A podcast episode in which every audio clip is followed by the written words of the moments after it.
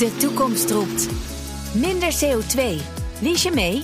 Dit is het moment om te kiezen voor de Tesla Model 3, Toyota Pro-Ace Electric of Volkswagen ID3. Uitstoot verminderen doe je samen met mobilityservice.nl. Den Haag.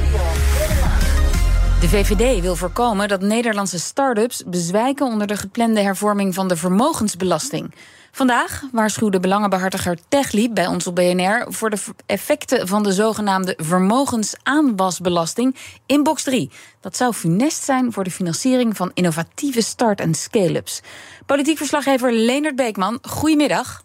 Goedemiddag, Liesbeth en Kees. Leendert, eerst maar even de vraag. Um, waarom wil staatssecretaris Marnix van Rij eigenlijk een vermogensaanwasbelasting? Nou, dat wil hij omdat hij een oplossing moet zoeken voor box 3. Want box 3 is kapot. En dat is gebeurd na het kerstarrest van 2021. Waarbij de Hoge Raad een streep heeft gezet door de vermogensrendementsheffing. Om het even simpel uit te leggen. Uh, wat er toen gebeurde was dat spaarders onder andere... die moesten eh, rendement gaan betalen over vermogen... Hè, over, een, over een aanwinst van vermogen, dat er niet was. Dat was fictieve aanwinst, want er, en, er was helemaal geen... Uh, de, de, de spaarder kreeg geen rente over zijn vermogen... En nu moet dat gemaakt worden, box 3. En de vraag is hoe. Het kabinet legt, en die heeft de voorkeur voor de vermogensaanwasbelasting als die definitieve vervanging. En met de aanwasbelasting belast de overheid niet alleen uh, direct de inkomsten uit vermogen, maar ook de nog niet gerealiseerde waardeontwikkeling. Nou, okay, dat is allemaal heel ingewikkeld. Ja. ja. Thomas Vrolijk van uh, Techliep legt even uit waarom dat een probleem is. De aandelen zitten vaak vast in het bedrijf uh, tot het verkocht wordt. En dat kan in sommige gevallen wel vijf tot tien jaar duren. En daarnaast kunnen de waarderingen van deze bedrijven ook uh, flink fluctueren. Dus bijvoorbeeld na een investeringsronde nemen die waarderingen in één keer heel veel in waarde toe. En in mindere economische tijden kan het zo weer afnemen. En dat heeft voor start-ups en scale-ups eigenlijk uh, grote consequenties op, op twee punten. Het raakt inderdaad hun personeel, zoals je al zegt. En het raakt ook hun vroege investeerders. Want uh, ja, tussentijds belasten zorgt dus voor liquiditeitsproblemen bij die medewerkers... die in box 3 worden belast als zij hun aandelen hebben gekocht. Mm um, en de investeerders hetzelfde verhaal eigenlijk. En zij zullen minder snel aandelen kopen in deze bedrijven... als zij het uh, risico lopen om tussentijds geconfronteerd te worden... met een hoge belastingaanslag. Terwijl zij... Uh, ja, die aandelen niet kunnen verkopen. Ja, dit was vanmorgen bij Bas van Werven in de ochtendspits. Bas mm hoorde je ook nog eventjes ertussendoor komen.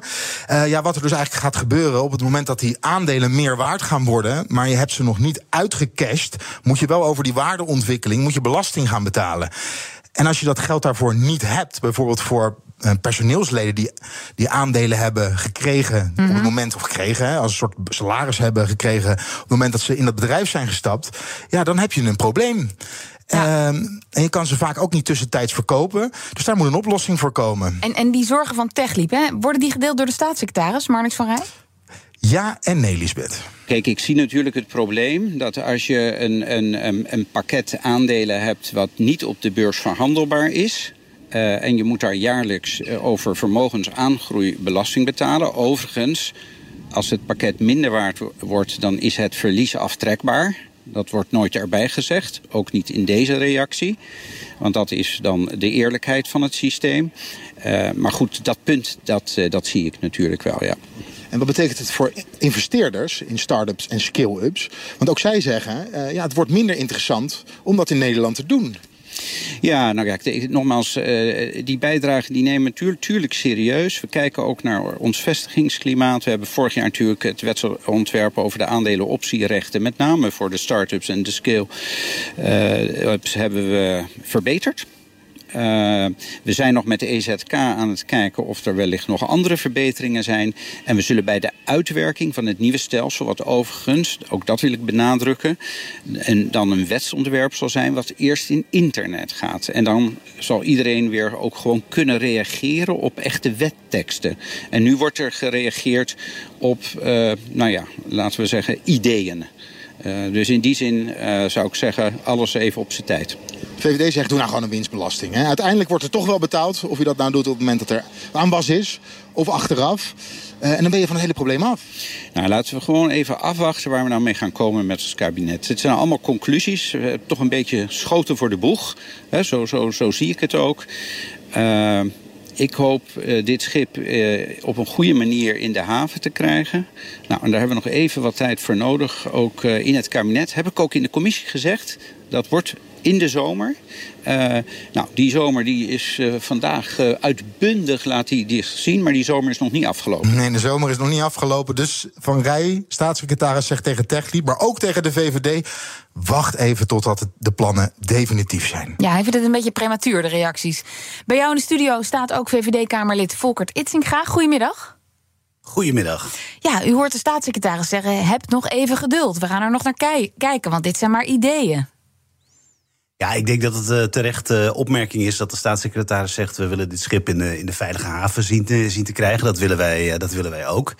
Maar je zal, je zal bij het sturen naar de haven... zul je wel ehm, moeten kiezen in, in een oplossingsrichting. En ik denk wel dat het verstandig is dat we daar nu al heel vast... dat we daar nu alvast heel goed over nadenken. En, en u wil ook als schipper dan vooral sturen richting de winstbelasting. Hè? Uh, hoe moet die er dan precies uitzien volgens de VVD? Nou, kijk, er zijn, er zijn uh, in een nieuw systeem waar je naartoe wilt, waarbij je dus eh, belasting gaat heffen ten aanzien van echt rendement. Hè, en niet zoals we dat vroeger deden op basis van ja, fictief, ik noem het altijd wel eens nep rendement. Hè, op basis van percentages gaan we nu echt kijken van wat zijn nu echt die vermogensinkomsten geweest. En dan kun je eigenlijk op twee manieren tegenaan kijken. En uiteindelijk onderaan de streep, dat is het, dat is het mooie komen die uiteindelijk op hetzelfde uit. Hè? Dus het is, het, is, het is op zich hoeft, uh, hoeft die keuze niet, uh, niet, niet buitengewoon politiek en ingewikkeld maar, te maar zijn. Maar wat is dan precies het verschil? Want u, nou, u wilt dan vermogenswinstbelasting, toch? Wat we ook in de Verenigde Staten zien. En het Verenigd Koninkrijk, Canada, dat soort landen. Ja. Nou, het grote verschil is dat de vermogensaanwasbelasting uh, dat dat een belasting is die ook heft over papieren winst, dus ongerealiseerde vermogensstijgingen. En de vermogenswinstvariant, waar ik dus zelf een uh, voorstander van ben, die heft daar niet over. Die heft pas op het moment dat winsten ook daadwerkelijk zijn omgezet in cash. Dus ook echt zijn gerealiseerd. Dus echt op je rekening staan. Leendert? Echt op je rekening staan. Ja. Maakt alleen de VVD zich zorgen over die vermogensaanwasbelastingplannen? Uh, nee, zeker niet. Ook het CDA maakt zich zorgen. En helemaal over uh, de start-ups en de skill-ups waar we het nu over hebben.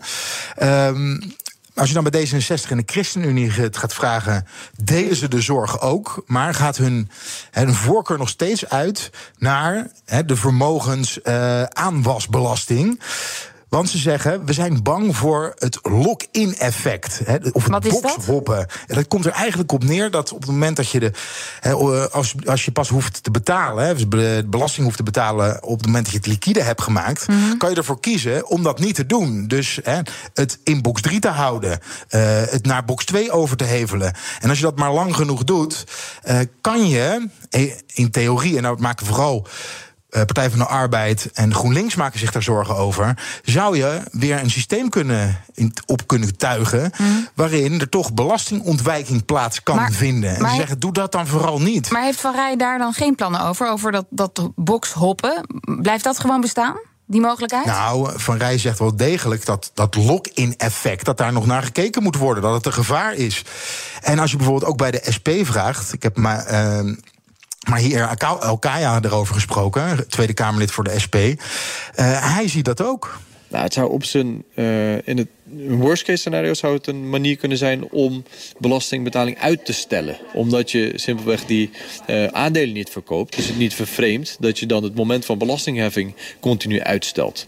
En dat is wel iets inherent inderdaad aan die winstbelasting. Maar uiteindelijk wordt die belasting wel betaald. En de regering zou ervoor moeten zorgen dat dat niet oneindig uitgesteld kan worden. Hm. Dus ik, ik deel die zorg, maar ik denk niet dat het onoplosbaar is. Ja, en hoe de verhoudingen nu zijn, is dat eigenlijk in eerste instantie iedereen voor die aanwasbelasting belasting was. Ja. Maar er begint hier wel iets te verschuiven. Want zelfs de SP hoor je nu zeggen: ja, we moeten wel kijken naar maatwerk.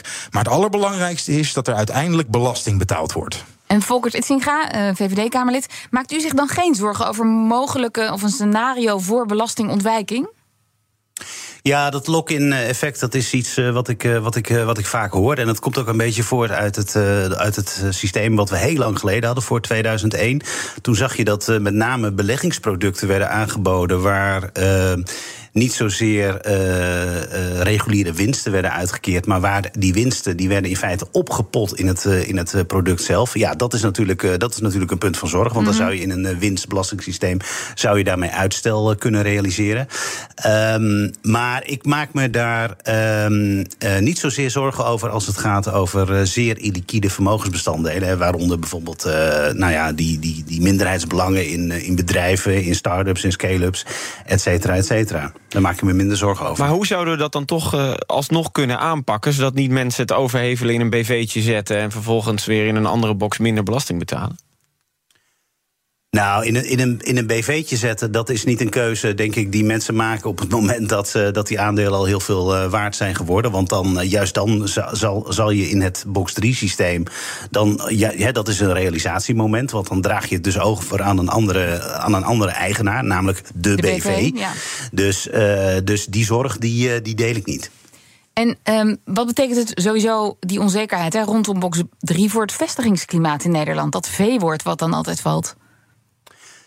Nou ja, ik denk zoals, uh, zoals deze spelers uit de, uit de scale-up en start-up uh, sector heel, heel, heel goed duidelijk hebben gemaakt, zijn er natuurlijk zijn, zijn die zorgen zijn denk ik reëel. He, op het moment dat een fiscaal systeem ehm, dit soort. de groei van dit soort bedrijven in de, in de weg staat, dan, dan is dat slecht voor je, voor je vestigingsklimaat. En wat ook niet helpt, Lisbeth, is dat ja, de, nieuwe wetgeving is al keer op keer uitgesteld. Nu, bij de laatste commissievergadering heeft uh, staatssecretaris Marijn gezegd... nou, voor, voor 26, dus 2026 gaan we het niet halen. Dus moeten we eigenlijk al rekening houden met 2027. Mm. En dit blijft wel boven de markt hangen. En op het moment dat je voor start-ups, voor skill-ups... een vestigingsklimaat hebt, in ieder geval waarin het niet duidelijk is... hoe fiscaal in de toekomst uh, de regelingen uh, eruit gaan zien... ja, dan maak je het wel heel onaangenaam aantrekkelijk voor bedrijven om hier naartoe te gaan. Maar dat zal Van nou Rij toch ook wel, wel zelf zien? Ja, alleen het probleem met box 3 is, is dat uh, het moet opgelost worden, maar het is technisch ook ingewikkeld. Dus je kan heel snel willen, maar je hebt met de Belastingdienst te maken. Het moet ook snel kunnen. En uh, daar uh, is de Kamer, de Tweede Kamer ook aan zet. Er is al heel lang over gesproken. Het moet ook nog naar de Eerste Kamer toe. De vorige keer is het eigenlijk in de Eerste Kamer door dezelfde staatssecretaris die het nu moet behandelen, is er gewaarschuwd van box 3 zoals we dat nu gaan inrichten, hè, zoals dat mhm. eerst was met het fictieve belasten van, uh, van aanwinst, dat moet je niet doen. Uh, dus uh, dit keer moet het zorgvuldig gebeuren en daarom duurt het ook lang. Maar in ieder geval moeten we geduld hebben tot en met deze zomer, zei Van Rij. Hij wil het uh, schip dus veilig de haven inloodsen. En nou, dan spreken we hem tegen die tijd vast en zeker nog een keer. Dank jullie wel, VVD-Kamerlid Volkert Itzinga en politiek verslaggever Leendert Beekman. De toekomst roept. Minder CO2. Lies je mee? Dit is het moment om te kiezen voor de Tesla Model 3, Toyota Pro-Ace Electric of Volkswagen ID3. Uitstoot verminderen doe je samen met mobilityservice.nl.